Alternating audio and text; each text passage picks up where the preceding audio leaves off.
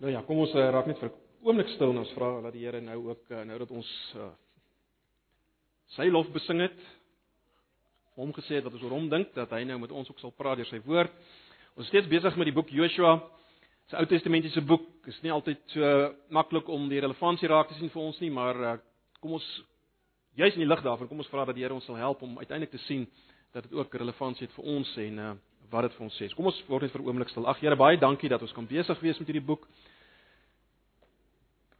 'n Deel is van die groot verhaal van die werklikheid. Help ons om eerlik met hierdie gedeelte om te gaan in die lig van die groter verhaal en help ons om te sien wat die relevantie vir ons is en wat U vir ons wil sê ook in hierdie oggend. Asseblief Here, ons is so afhanklik van U. U ken ons, U ken my. U ken ons swakhede, U ken ons sonde. Ons kom alleenlik op grond van dit wat U in ons plek gedoen het met vrymoedigheid ook in hierdie oggend en vra dat U met ons sal praat en sal werk. Ten spyte van wie ons is, op grond van Jesus, ons finale Joshua en sy werk in ons plek. Amen. Goed. Nou ehm um, Ons groot fokus is eintlik vanoggend uh Joshua se sukses, maar dit is baie belangrik dat ons die aanleiding of laat ons die laaste gedeelte van 5 net weer saam lees vanoggend. Ons het wel daarmee geëindig. Ons het iets daaroor gesê verlede Sondag, maar ek wil hê ons moet net weer saam lees van 5 vers 13 af en dan hoofstuk 6. Ek het dit op die uh op die PowerPoint uh die 53 vertaling, maar die vertalings maak nie op hierdie stadium so groot verskil nie. Uh maar ek het wel die 53 daar. Jy kan volg in jou 53 vertaling by jou as jy nie daar wil volg nie. Hier is maar vir die ouens wat dalk nie uh 'n teks by hulle het nie. Kom ons lees dit net saam. Vanaf vers 13. En terwyl Josua by Jerigo was, slaan hy sy oë op en kyk en daar staan 'n man teenoor hom met 'n ontblote swaard in sy hand. En Josua het hom gegaan en hom gevra: "Behoort jy by ons of by ons vyande?" En hy sê: "Nee, maar ek is die leeroowerste van die Here. Ek het nou gekom." Toe val Josua met sy aangesig op die grond en buig hom neer en vra hom: "Wat wil my Here aan sy dienskneg sê?" Toe sê die leeroowerste van die Here vir Joshua: "Trek jou skoene van jou voete af, want die plek waar jy op staan is heilig." En Joshua het so gedoen. Maar Jerigo het die poorte uh, poort gesluit en gesluit gebly vanweë die kinders van Israel. Niemand het uit of ingegaan nie.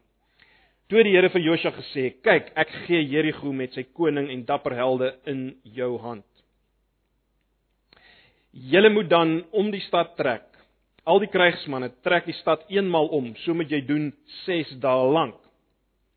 En sewe priesters uh moet sewe ramshorings voor die ark dra, maar op die sewende dag moet hulle die stad sewe maal omtrek en die priesters moet op die horings blaas. En as hulle lang geleide op die ramshorings blaas, as hulle die geluid van die horings hoor, moet die hele volk 'n groot krygsgeskreeu aanhef, dan sal die stadsmuur op sy plek inval en die volk moet inklim elkeen reg voor hom uit. Toe het Joshua, die seun van Nun, die priesters geroep en hulle gesê: "Neem die verbondsark op en laat die sewe priesters sewe ramshorings voor die ark van die Here dra." En aan die volk het hy gesê: "Trek op en gaan om die stad, maar die gewapenes moet voor die ark van die Here optrek." En net toe Joshua dit aan die volk gesê het, het die sewe priesters die draers van die sewe ramshorings opgetrek voor die aangesig van die Here en geblaas op die horings terwyl die verbondsark van die Here agter hulle aangaan. Die gewapenes het ook vir die priesters getrek wat op die horings geblaas het terwyl die agterhoede agter die ark aangaan en daar gedurig op die horings geblaas word. En Joshua het aan die volk gesê: uh, bevel gegee en gesê: "Uh julle mag nie skreeu of julle stem laat hoor nie en geen woord mag uit julle mond uitgaan tot op die dag dat ek vir julle sê skreeu, dan moet julle skreeu." Toe die ark van die Here om die stad getrek een keer rondom, daarna het hulle in die laar gekom en in die, in die laar nag oorgebly. En Joshua het die môre vroeg klaar gemaak en priesters het die ark van die Here gedra. En die sewe priesters wat die sewe ramshorings gedra het, het voor die ark van die Here gedurig geloop en blaas op die horings terwyl die gewapenes voor hulle loop en die agterhoede het die ark van die uh het agter die ark van die Here aangegaan terwyl gedurig op die horings geblaas word. So het hulle dan op die tweede dag die stad een keer omgetrek. Daarna het hulle in die laar gekom. So het hulle 6 dae lank gedoen. Vers 15: Maar op die sewende dag het hulle vroeg klaar gemaak toe die rooi dag uitkom en die stad op dieselfde manier sewe maal omgetrek. Net maar die dag het hulle die stad sewe maal omgetrek. En toe die priesters die sewende keer op die horings blaas, sê Josef vir die volk: "Skreeu, want die Here gee die stad aan julle oor." maar die uh maar die stad met al wat daarin is moet 'n banoffer aan die Here wees. Net Ragab, die hoer mag lewe, sy en almal wat by haar in die huis is, omdat sy die boodskapper wat deur ons gestuur was weggesteek het. Maar neem julle net in ag vir die ban dat julle nie terwyl julle met die banvloek tref, tog van die ban goed neem en die laar van Israel onder die ban bring en dit in die ongeluk stort nie. Maar die silwer en die goud en die koper en ystervoorwerpe is heilig aan die Here, dit moet by die skat van die Here kom. Toe skreeu die volk en hulle het op die horings geblaas en toe die volk die geluid van die horing hoor, het die volk 'n groot krygsgeskreeu aangehef en die muur het op sy plek ingeval en die volk het die stad in uh, uh, het in die stad geklim, elkeen reg voor hom uit en hulle die stad ingeneem. Vers 21 en alles wat in die stad was, het hulle deur die skerpte van die swaard met die bandvloek getref, man sowel as vrou, jonk sowel as oud, tot beeskaap en esel toe. En aan die twee manne wat die land verken het, het Joshua gesê: Ehm um, gaan in die huis van die oer en bring die vrou en almal wat aan haar behoort daaruit soos julle vir haar gesweer het. Die jong manne, die spioene het ingegaan en Ragab met haar vader en haar moeder en haar broers en almal wat aan haar behoort het uitgebring. Al haar al haar familiebetrekkinge het hulle uitgebring en hulle buitekant die laar van Israel laat bly. En die stad met alles wat daarin was, het hulle met vuur verbrand. Net die silwer en die goud en die koper en ystervoorwerpe het hulle by die skat van die uh van die huis van die Here gevoeg.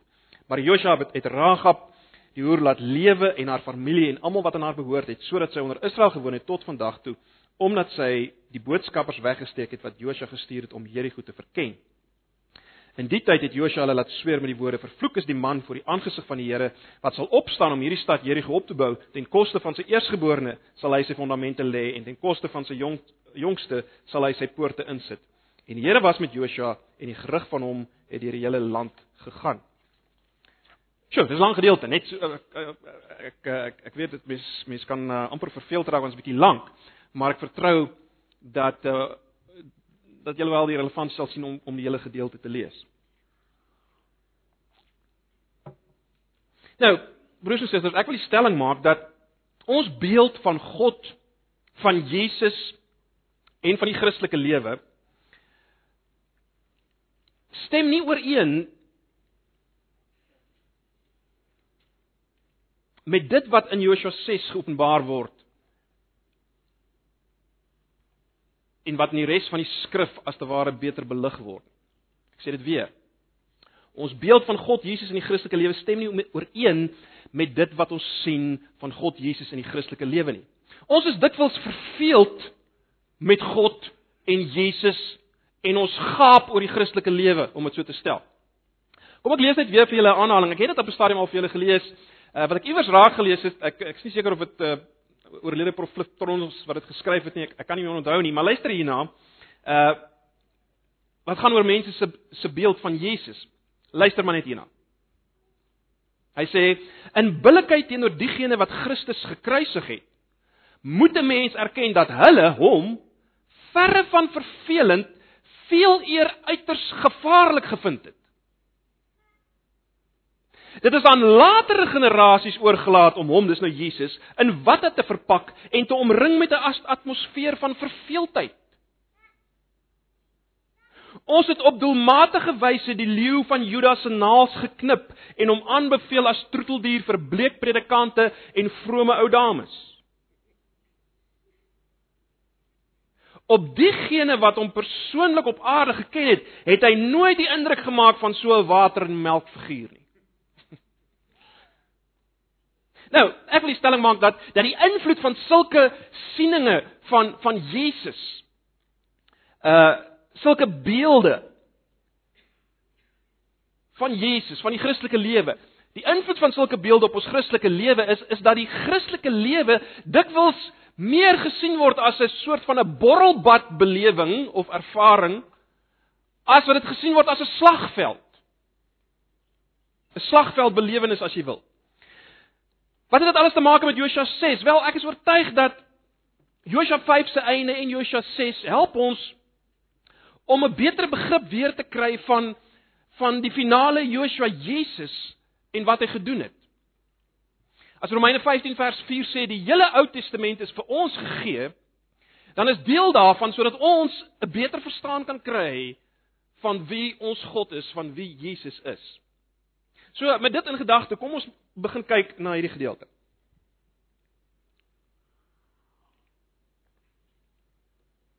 Ja, ons het verlede Sondag so 'n bietjie stil gestaan by of net so geraak aan 5 vers 13 tot 15, ehm um, so 'n bietjie van wat ek kan sê gaan ooreenstem. Maar ek wil hê ons moet net weer kyk na hierdie gewapende leeroorste van 5 vers 13 tot 15. Dis nie 'n foto wat daai tyd geneem is nie, dis maar net 'n prentjie. Wanneer verskyn, kom ons dink hieraan, wanneer verskyn hierdie sogenaamde leeroowerste van die Here? Is belangrik, hy verskyn nadat die volk hulle self toegewy het aan die Here. Ons het daarna gekyk. Nadat hulle as te ware in die land ingegaan het deur die vol Jordaan. Nadat hulle die Pasga gevier het en nadat hulle besny is. Hoor ons dit? Nadat hulle to, hulle toegewy het aan die Here en al hierdie dinge gedoen het.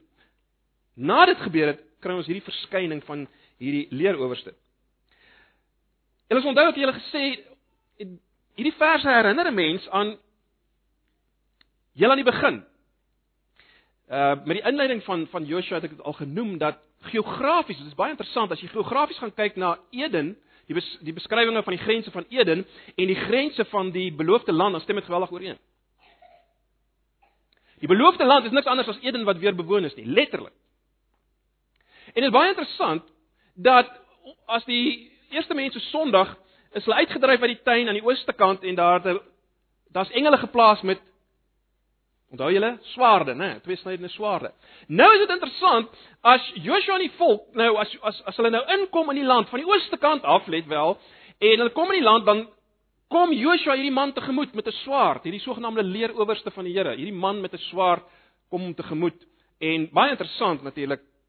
Ehm um, hy sê dat hy nou aan die kant van Joshua en die volk gaan veg om hierdie land te herwin, om Eden met ander woorde te herwin. Ek dink dit is toevallig nie. Ek dink dit is toevallig. Die vraag wat ons natuurlik kan vra is maar wie is hy presies? En ek dink tog die identiteit van hierdie man word elders in die Ou Testament verklap.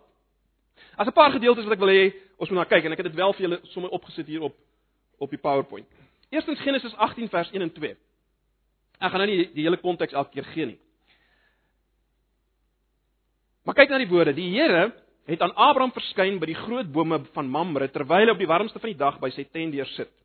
Vers 2 kyk uh of terwyl hy dit doen, kyk hy op en sien drie mans daar naby staan. Toe hulle sien het hy van sy tenier af na hulle toe gedraf en voor hulle gebuig.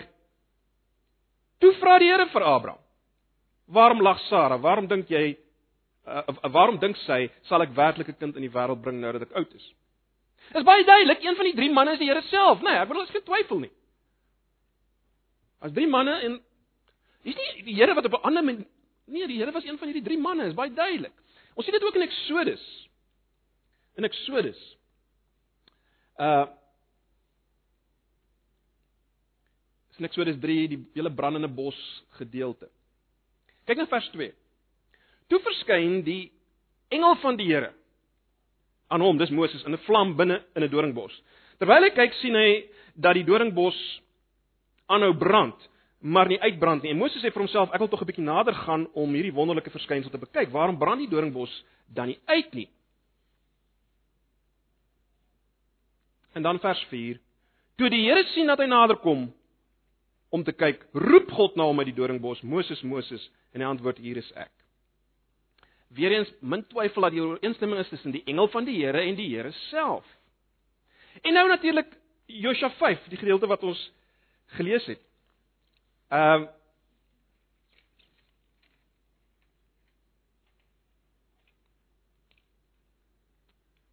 Mens kon vers 14 ook daar opgesit. Ek het nou net vers 15 opgesit, maar kyk net of luister net dan vers 14 ook.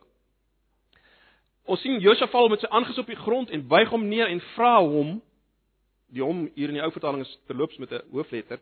Wat wil my Here aan sy dienskneg sê? So so hy leerooste van die Here Josua self in vers 14 spreek hom aan as Here. Maar dit is interessant ook onthou die die die gedeeltes vloei mekaar nadat die leeroowerste van die Here soos hy genoem word in vers 15 vir Josua gesê trek uit jou skoene dan sien ons in 6 vers 2 die Here het vir Josua gesê ek gaan Jerigo sy koning en sy soldate nou in jou mag oorgee. As men twyfel uh dat hierdie leeroowerste is 'n sin die Here self. Dis die Here self. Wie is die Here? Wel, hy is hy's die groot ek is. Onthou Here is 'n vertaling van die woord Jahwe. Die woord Jahwe begin ons kry in Eksodus 3. Dis die verbondsgod, dis die een wat sê ek is wat ek is. Maar wie is die ek is wat ek is volgens die res van die Bybel? Wel is baie interessant uh, en is alles dinge waaroor ons al gepraat het, maar in Lukas 9 vers 31 by die verheerliking op die berg dan verskyn Jesus in heerlikheid op die berg en en en Moses verskyn daar saam met hom. En dan lees ons in Lukas 9 vers 31 dat Jesus praat met Moses oor sy letterlik sy eksodus wat hy gaan uitvoer in Jerusalem. Dis dieselfde woord wat gebruik word. Die punt wat ek wil maak is is dit. Die engel wat verskyn het aan Moses in 'n brandende bos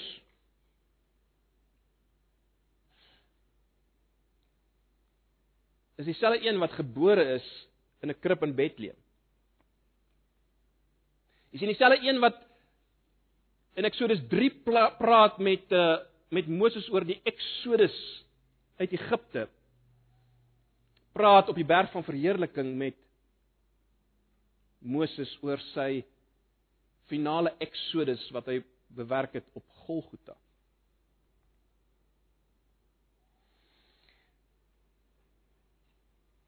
Jy sien die engel van die Here of die leeroowerste van die Here, net soos jy dit wil noem, is die ek is. En en jy sal weet dat Jesus kom in die Nuwe Testament en hy sê hy hy kom hy kom kleer dit in. Hy sê ek is die weg, die waarheid en die lewe. Ek is die brood van die lewe. Ek is die goeie herder. Op 'n stadium sal julle weet kom 'n soldaat en hy sê vir Jesus Wie wie is jy werklik? En as Jesus Jesus antwoord dan vir hom basies ek is. Dis wat hy reg eintlik vir daai soldaat antwoord. Die soldaat vra hom of hy Jesus is met ander woorde. Hy vra hom of hy Jesus is en dan sê Jesus baie spesifiek gebruik hierdie woorde ek is. Maar dis dis veelzeggend want hy sê ek is die ek is van die Ou Testament. En dan sal julle weet wat gebeur dan wel op daai oomblikke styer daai soldaat terug en hy val op sy aangesig, né? Nee, Johannes 18 vers 6 gaan lees maar. In Openbaring 1 word hierdie ek is so beskryf. Luister maar net, ek ek het dit nie daar opgesit nie. Ek wil hê julle moet luister of jy kan dit volg in jou eie Bybel ook.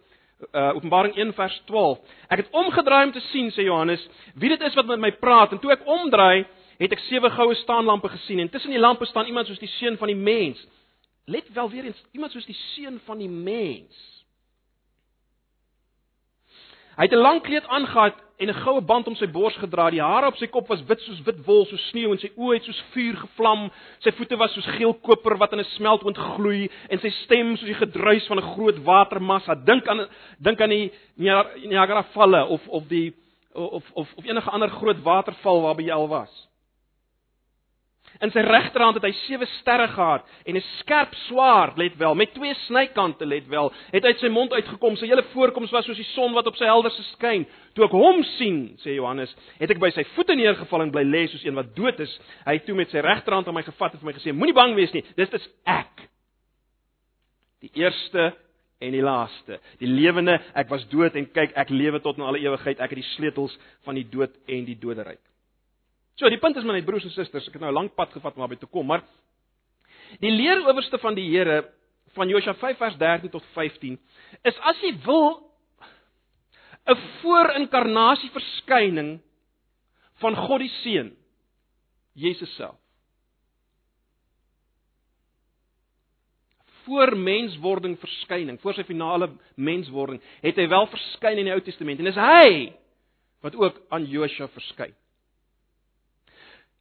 Maar dit is baie belangrik in die lig daarvan om te vra wie se geveg is dit dis waarvan ons lees hier in Josua 6 as ons nou kom by uh die val van Jerigo. Wie se geveg is dit oor wie gaan dit eintlik hier?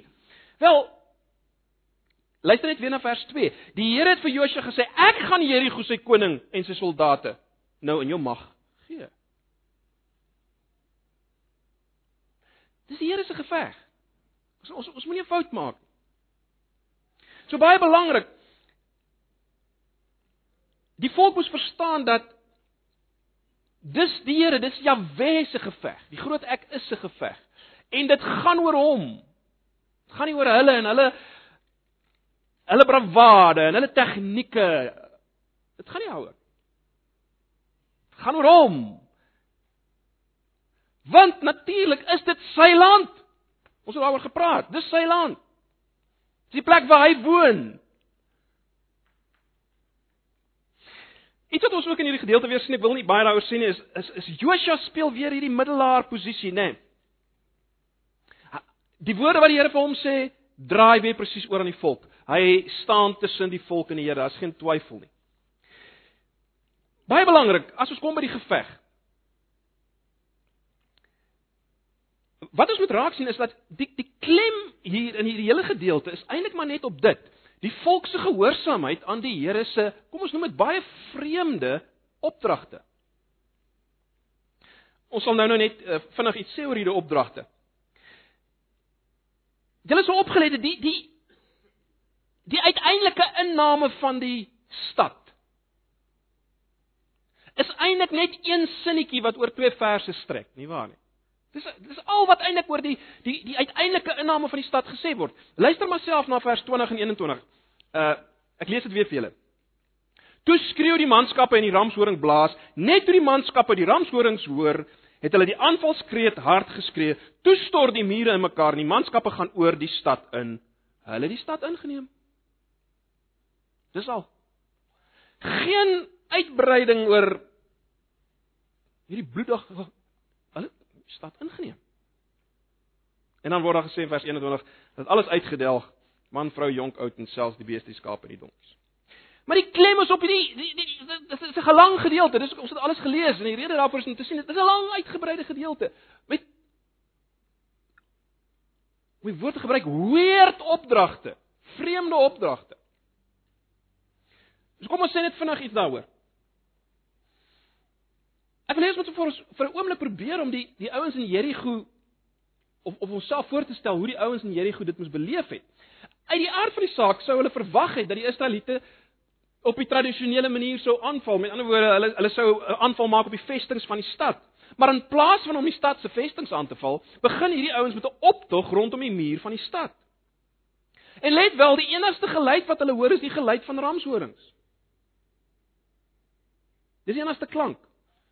Nou meeste van julle het seker al ramshoring gehoor. Dis nogal 'n soort van 'n onheilspellende so lae klank, né? Nee. Dis al wat hulle hoor. Vir 6 dae lank. Eenmaal per dag het hulle om die stad geloop, die priesters met die verbondsark en al wat jy hoor is hierdie ramshorings. Dit sou absoluut onheilspellend gewees het, hoor. Eh, gevegte daai tyd is gewoonlik gekenmerk deur 'n geweldige geraas. Ehm um, Dink maar net aan al die flieks wat jy al gekyk het oor oor hierdie tyd se gevegte en goeters. Dit is dis 'n geraas. En die ouens skree allerlei slagspreuke vir mekaar, nê, nee, om om die om die vyand as te ware te beïndruk en af te kraak en so meer. Dit dit is 'n dit is 'n chaotiese geraas. Maar hier's net stilte. Net daai ramshoring. Dis al wat gehoor. En dan kom die sewende dag. Dan kom die sewende dag. Kom ons lees, kom ons luister net na vers 15, vers 16 en vers 20 en 21. Ek gaan dit vir julle lees. Luister net weer. Die sewende dag het hulle vroeg toe die rooi dag breek begin. Hulle het sewe maal om die stad gegaan in dieselfde volgorde as tevore. Daardie dag het hulle dus sewe maal om die stad gegaan. Na die sewende maal het die priesters die ramshoring geblaas. Josua het vir die manskappe gesê: "Skreeu!" As skreeu hulle nou die eerste keer: "Die Here gee die stad aan julle oor." En dan lees lees ons vers 20. Toe skreeu die manskappe en die ramshoring blaas.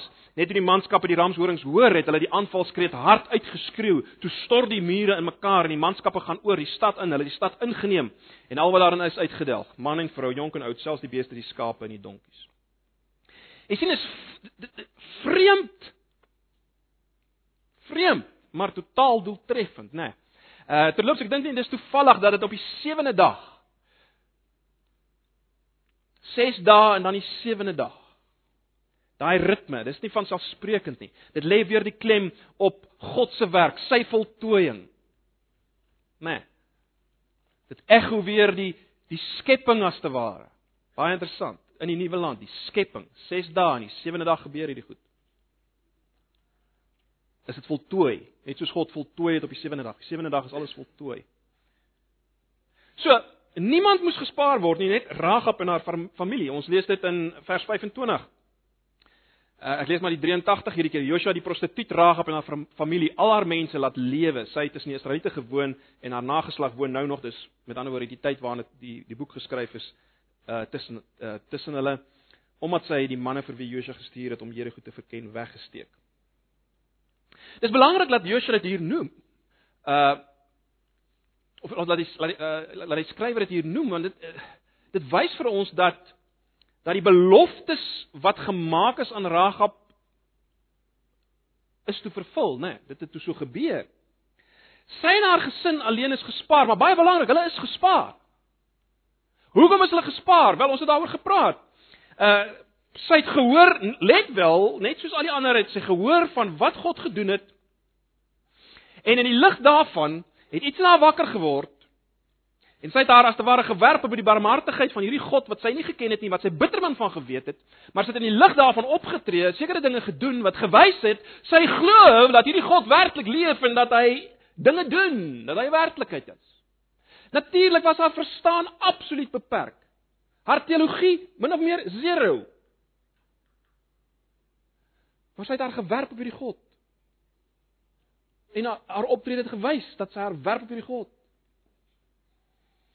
En natuurlik wat hier gebeur, broers en susters, eh, ons het al daaraan geraak, maar ons moet onthou, hier is hier is natuurlik in embrio vorm 'n waarmaking van die beloftes aan Abraham dat nasies sal geseën word deur jou nageslag Abraham. En hier word 'n heidense kananitiese prostituut geseën en uiteindelik so geseën dat in die Nuwe Testament as ons kom by die geslagregister van Jesus Christus, dan Ragab die prostituut daar om te bewys en te wys dat Jesus kom vir sulke mense. Uitgeworpenes prostituie en sy hele lewe wys dit op aarde. Jesus het vir sulkes gekom. Hy het nie gekom vir gesondes nie. Hy het gekom vir siekes. Hy het nie gekom vir regverdiges nie. Hy het gekom vir sondaars. En daarom is daar hoop vir mense, vir die wêreld. Maar dit lê al hier. En wat God doen vir Ragab. En ons moet dit raak sien. So God spaar vir Ragab en haar familie. Dis betekenisvol. Baie belangrik, die oomblik as ons sê dat Ragab is gespaar uit genade op grond van die geloof wat sy geopenbaar het, moet ons sê dat Jerigo is vernietig en uitgedelg as gevolg van ongeloof en goddeloosheid. Ongeloof wat goddeloosheid natuurlik vir ten diepste is en al die ander goddelooshede vloei maar net voort. Alle sonde, hoor. Of dit nou dronkenskap, of prostitusie of wat dit ook al is, vloei voort uit ongeloof. Want as jy geglo het God is dan en hy is die lewe, dan sou jy dit nie gedoen het nie. So alle sonde is maar is maar gestaltes van ongeloof. Dis die basis sonde, net net so te loop. Baie belangrik. Onthou dat Abraham, Isak en Jakob het lank in hierdie land geleef. Onthou dat hierdie mense het presies dieselfde gesien en van geweet as wat Ragab van geweet het. Maar daar was daar was nie reaksie daarop nie. As jy wil, daar was nie bekering nie. Hulle het hulle nie onderwerp aan die een wie se land dit eintlik is nie. Daarom die vernietiging. Ek weet dit is 'n dis 'n moeilike ding. Uh daar's baie dinge wat ons nie lekker hiervan verstaan nie. Hierdie is duisende jare gelede geskryf. Ons het min begrip vir wat hier aangaan, maar ten minste moet ons dit weet. God het nie onskuldige arme, weerlose mensies net uitgedelg vir die plesier nie. Dis nie waar dit gaan nie. Ons moet God sien in sy heiligheid en heerlikheid. God wat optree teenoor ongeloof en ongehoorsaamheid. En dis wat ons moet laat sidder.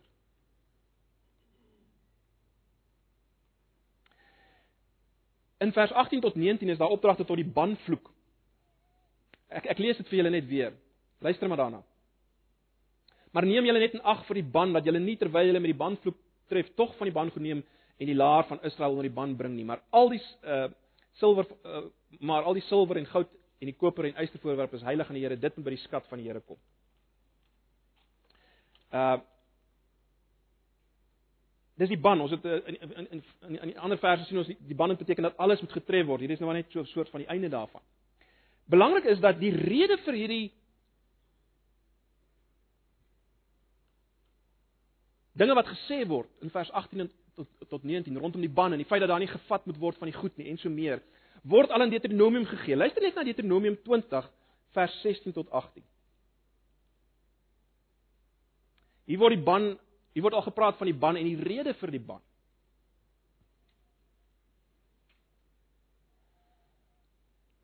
Maar van die stede van hierdie volke wat die Here jou God jou as erfenis sal gee, moet jy niks wat asem het laat lewe nie. Maar jy moet hulle heeltemal met die banvloek tref, die Hittite en Amorite, die Kanaaniete, Ferisiete, die Hewite, Jebusiete, soos die Here jou God jou beveel het. Sodat hulle julle nie leer om te handel volgens al die gruwels wat hulle vir hulle gode gedoen het en julle teen die Here, julle God sondig nie. Hier word nog 'n rede gegee. Sodat julle nie word soos hulle nie. Want dit wat hulle doen is afskuwelik vir God want hulle hulle erken hom nie, hulle leef nie vir hom nie in die lig van hom eh, van wie hy is nie, hulle leef vir die afgode en God wil nie hê julle moet deel word daarvan nie. So hier word baie duidelik gemaak. Hierdie toorn van die Here oor Jerigo was so erg. Ons lees in vers 26.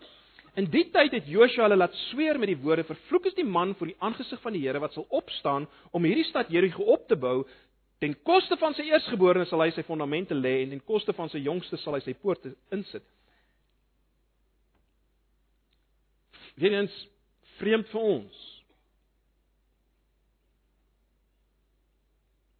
Vreemd vir ons. Maar ook dit word al in Deuteronomium gesê. Ek ek lees net vir julle Deuteronomium 13 vers 16. Ek, ek ek wil nie alles nou lees nie. Die hele konteks gaan oor die vernietiging van so 'n stad en dan vers 16 van Deuteronomium 13 sê jy moet alles in die stad op die stadsplein bymekaar maak en saam met die stad geheel en al verbrand as 'n offer aan die Here jou God. Die stad moet vir altyd 'n puinhoop bly. Dit mag nie weer herbou word nie. So hierdie hierdie stad mag nie eers weer herbou word nie.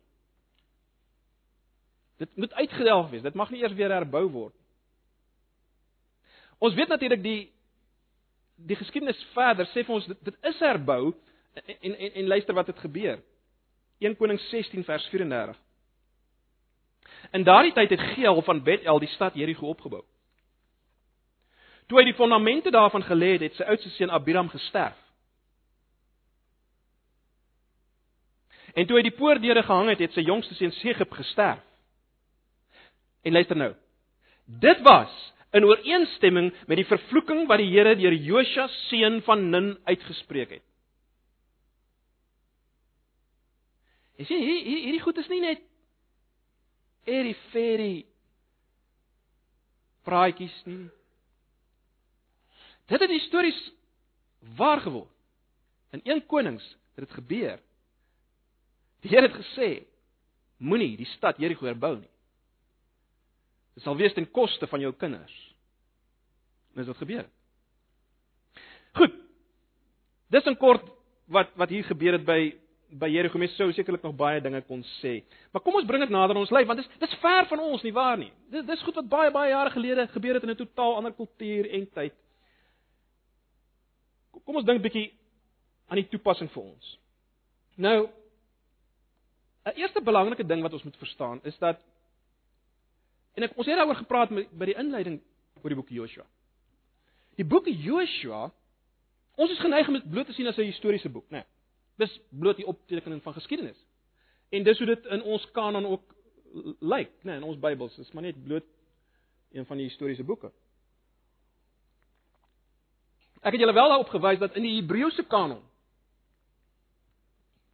is Joshua saam met Rigters 1 en 2 Samuel 1 en 2 Konings uh of 1 en 2 ek ry dit nou om, né, nee, 1 en 2 Samuel en 1 en 2 Konings. Uh Joshua is saam met daai boeke geklassifiseer onder vroeë profete, Neviim. Dis waar Joshua homself bevind in die Hebreëse kanon.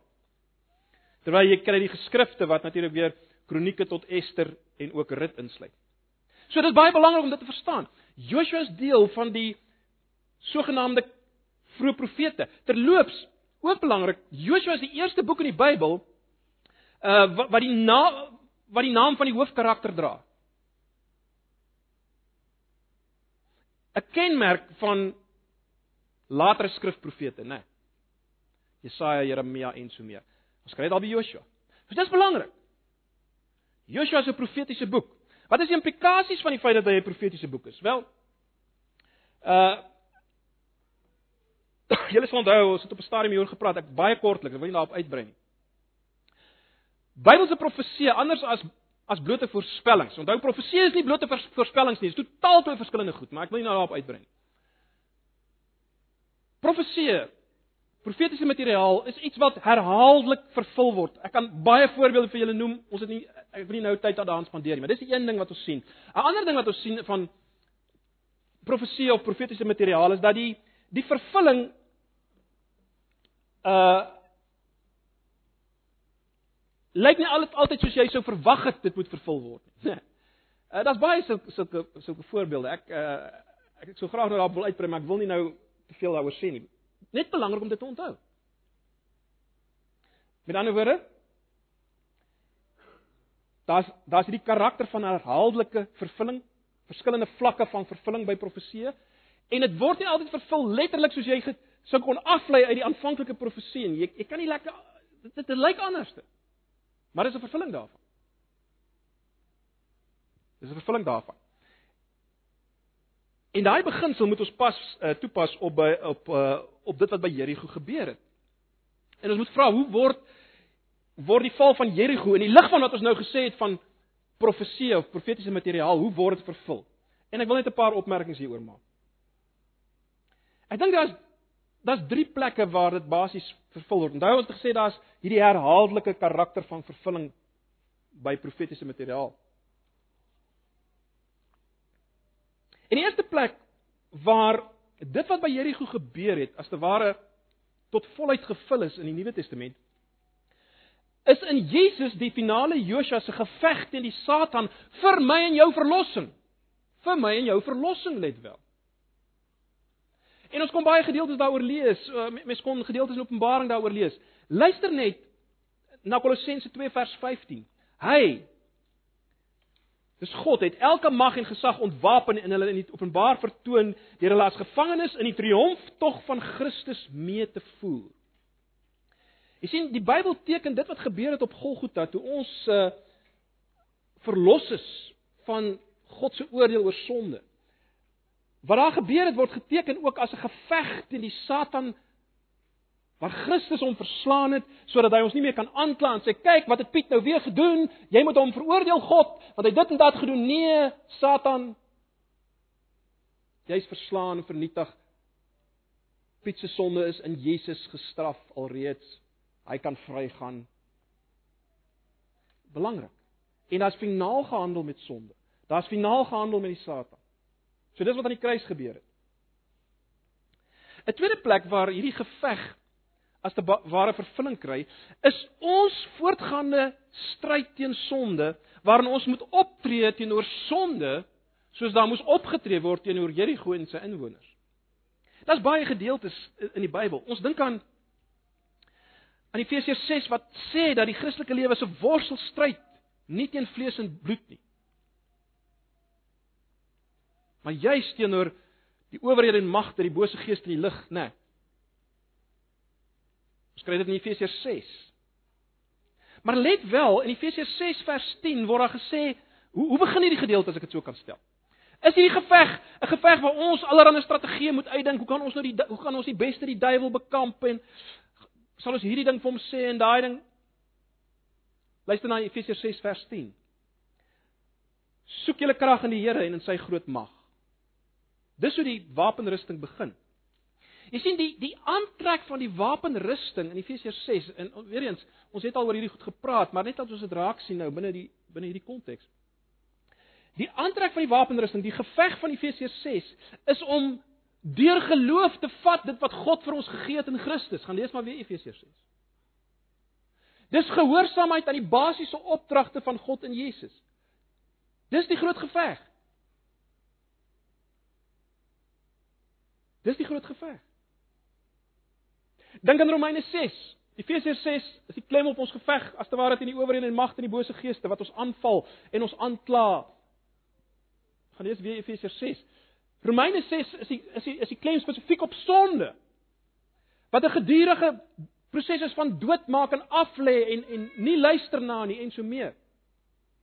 Maar ook in Romeine 6 is dit baie duidelik waar begin dit? Dink aan Romeine 6 vers 11 wat sê reken dan bedink dat jy net soos Christus gesterf het en klaar gemaak het met sonde en opgestaan het, dit het met julle gebeur in hom. En in die lig van hierdie nuwe posisie veg nou teen sonde. Moenie julle lede tot beskikking stel van die sonde nie. Dis ook in Romeine 8 duidelik, né? Nee. Uh waar Paulus sê in vers 13 ons moet ons moet die werke van die liggaam doodmaak. Dis goed taal maak die werke van die liggaam dood deur die gees, maar Romeine 8 begin deur te sê dat wat God in Jesus gedoen het. God in Jesus het gedoen wat die wet nie kon doen nie. Hy het die sonde veroordeel in sy liggaam en so mee. Wat is die groot punt wat ons moet verstaan? Die Christelike lewe is 'n geveg, broers en susters. Dit is maklik nie. Daar's elke dag 'n stryd teen sonde, die vlees, die wêreld wat jy wil net soos die gevaar was dat Jerigo se inwoners die die Israeliete kon weer kon laat deel word van hulle goederes en kon intrek. Net soos daai gevaar dat die wêreld en die vlees en sonde jou jou wegtrek van die Here af. En daarom moet jy radikaal daarmee handel en dit doodmaak. Dis 'n geveg.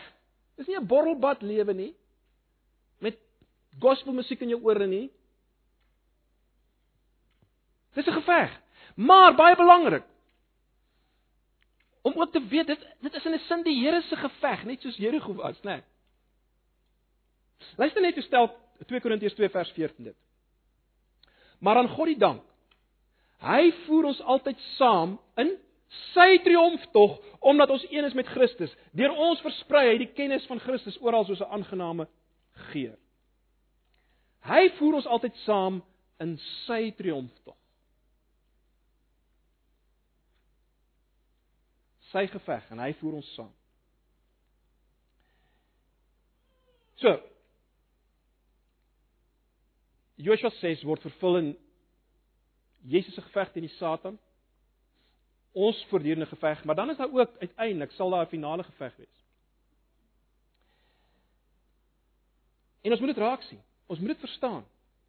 Broers en susters, die die goddeloosheid wat ons rondom ons sien, die totale nie steur aan wie God is en wat hy sê nie, gaan gestraf word. Gaan nie onder die mat gevee word.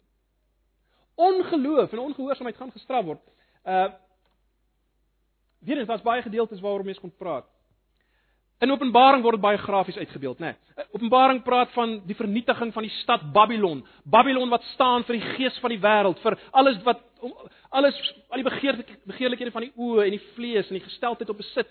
Uh, al die dinge wat die wêreld rondom ons kenmerk, dis Babylon en Babylon gaan vernietig word.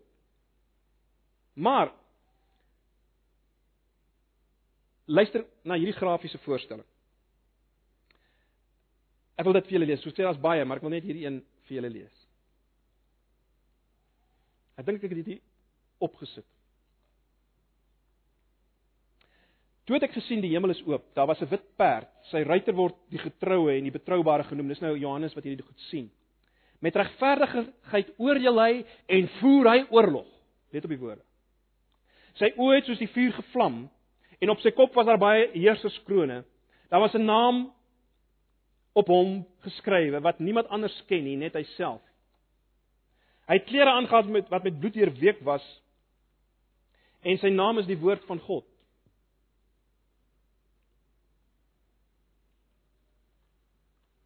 Die leers in die hemel het op wit perde agter hom aangery. Hulle het fyn helder wit klere aangetree.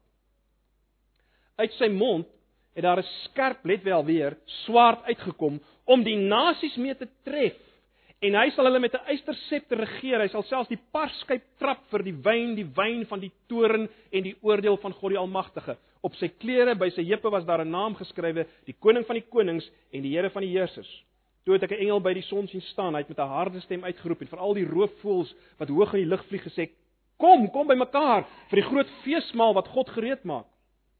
Kom eet die vleis van konings, die vleis van opperveld bevelhebbers, die vleis van magtiges en die vleis van perde en hulle ja, die vleis van allerlei mense, vryes en slawe, klein en groot.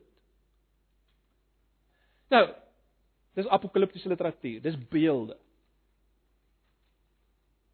Maar 'n beeld of laat ek dit so stel, die werklikheid is gewoonlik erger as 'n beeld. Wat is die punt? Broers en susters, daar is 'n finale daar's 'n finale oordeel. Die die God van Jerigo gaan oordeel oor ongeloof en ongehoorsaamheid.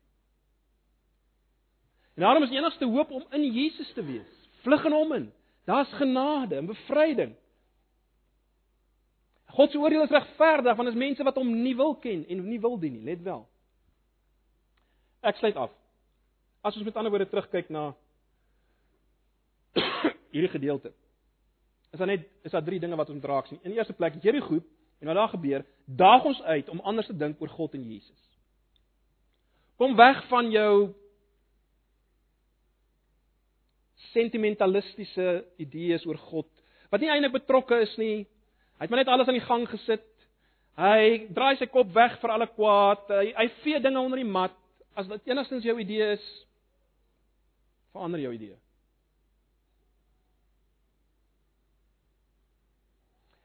As absolute genade by God, onbeskryflike genade. Maar as genade vir die wat hulle werp op hom. Daar's regverdige, let wel, dis regverdige. Absoluut regverdige oordeel oor die wat hulle maker die sin van hulle bestaan verwerp. Dink anders oor God en Jesus. Jerigo daag ons uit om anders te dink oor die geestelike lewe. Ek het reeds dit genoem. Die Christelike lewe, die geestelike lewe is 'n stryd, dis 'n geveg elke dag. Vandat jy opstaan totdat jy gaan slaap, is daar gevegte wat jy moet veg. Maar natuurlik weer eens dis ten diepste nie 'n geveg waar jy op jou eie staan met jou eie krag en met jou eie intelligensie word sterk in die Here en sy groot mag trek sy wapenrusting aan elke dag. Maar dink anders oor die Christelike lewe. En dan die laaste ding. Jerigo herinner ons dat daar kom 'n finale oordeel. 'n Finale geveg, finale bandvloek net soos jy dit wil noem. En uh dis die realiteit.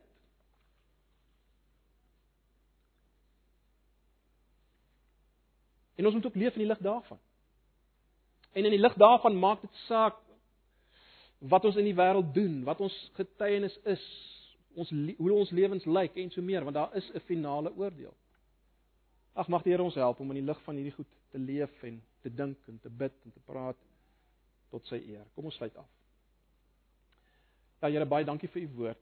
Ja, dankie vir dat ons kan sien dat selfs as ons besig met baie baie baie ou Ou Testamentiese materiaal dat dit vir ons iets wil sê rondom U en ons eie Christelike lewens en die toekoms. Ons dankie daarvoor. Help ons om te leef in die lig daarvan. Mag nou net wel die genade van ons Here Jesus en die liefde van God. Ons het nou oor sy toorn oor sonde gepraat, maar in dit moet ons sy liefde sien. Dink aan sy liefde oor Ragab en haar familie, sy liefde oor die volk. Mag daardie liefde en die gemeenskap van sy Heilige Gees met julle elkeen bly, julle wat julle toevlug neem na Jesus Christus ons finale Joshua. Amen.